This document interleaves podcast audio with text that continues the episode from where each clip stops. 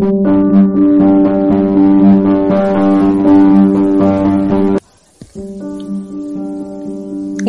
নাম পাকা দেখা। কলমে সংহিতা ঘোষাল। পরিবেশনায় জয়িতা বন্দ্যোপাধ্যায়।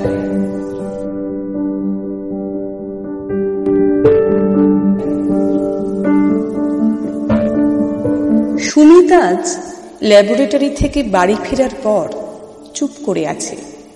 প্রতিদিন বাড়ি ফিরে ওর কাজ হলো হাত পা ধুয়ে টুকাইয়ের খোঁজ নেওয়া। টুকাই হলো ওর দাদার মেয়ে, মাত্র তিন বছর বয়স। কিন্তু এই বয়সে যা বম্পক করে, সুমিতের বেশ মজা লাগে। তাই দিনের শেষে ল্যাবের গবেষণার চাপ যেন এক ফুঁয়ে উড়ে যায় টুকাইয়ের জন্য। আজ টুকাই কাকুর পায়ে পায়ে ঘুরল খানিক্ষণ কিন্তু কাকু কিছু না বলায় মায়ের কাছে চলে গেল। মাঝে মাঝে ছোট্ট চোখ দিয়ে অনুসন্ধান করার চেষ্টা করল, কাকু কেন এত চুপচাপ?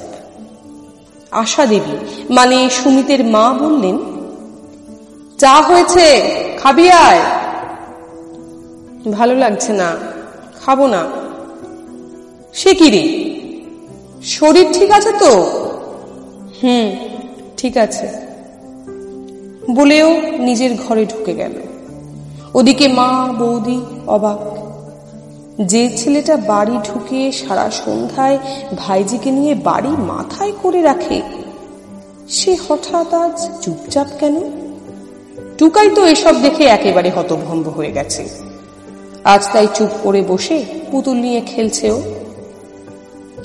রাতে খাবার টেবিলে খেতে দিয়ে সবাইকে আশা দেবী ডাকলেন। সমরবাবু মানে সুমিতের বাবা, দাদা, বৌদি, সবাই এলো। সুমিত পাঁচ ফুট দশ ইঞ্চির শরীরটাকে যেন টেনে নিয়ে এলো খাবার টেবিলে। খানিক্ষণ খাবার নেড়ে মাত্র একটি রুটি খেয়ে চলে গেল ঘরে। টুকাই কাকুকে বড় বড় চোখ করে দেখল। মাকে কিছু একটা বলতে গেল। কিন্তু সবাই তখন পরস্পরের মুখ চাওয়া চাই করছে। আর নিঃশব্দে টেবিলে একটা প্রশ্ন ঘুরছে। সুমিতের হলো কি? সবাই যে যার ঘরে ঘুমিয়ে গেল। ঠিক রাত তিনটে হবে। খাবার টেবিলের কাছে কিছু একটা আওয়াজ শুনে আশাদেবীর ঘুম ভেঙে গেল। কি হলো? বিড়াল ঢুকলো নাকি? উনি টর্চ জেলে গিয়ে দেখেন সুমিত মাথায় হাত দিয়ে টেবিলে বসে আছে।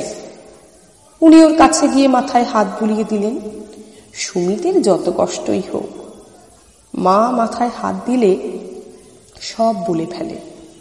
আজও তাই করল। মা, খুব কষ্ট হচ্ছে। আমি কি করব ভেবে পাচ্ছি না।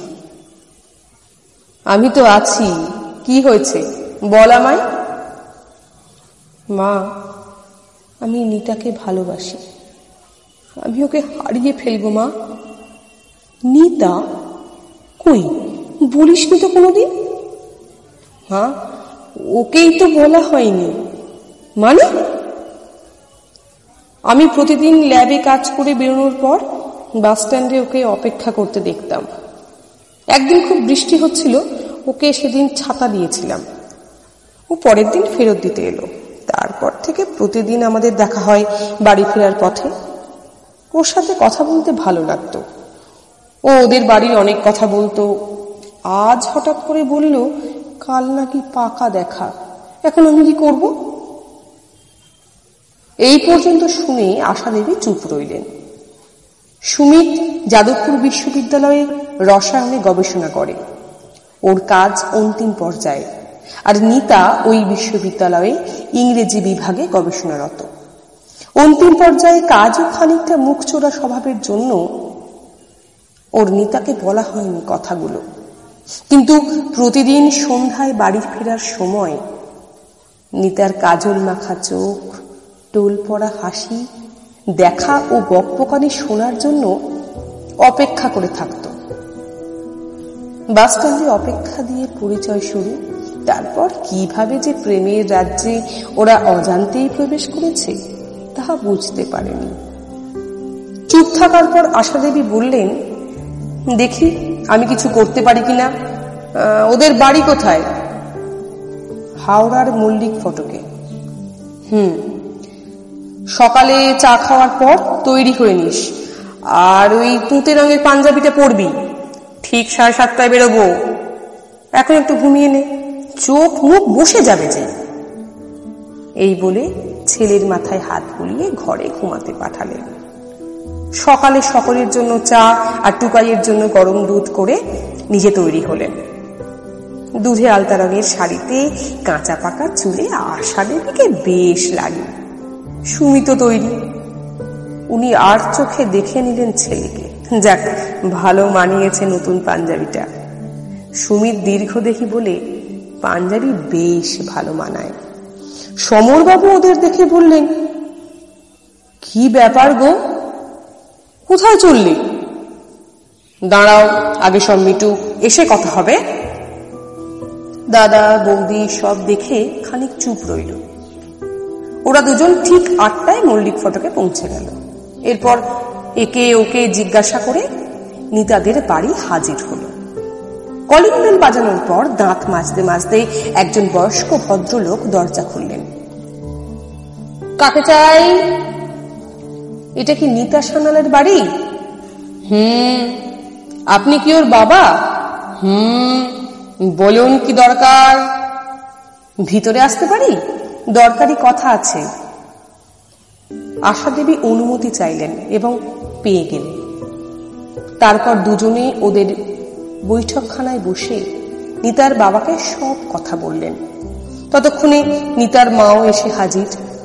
সব শুনে ওনাদের মুখ এমন ভাবে হাঁ যে কেশি দাসের বড় রসগোল্লা একেবারে ঢুকে যাবে। তারপর নিতাকে তলব করা হলো।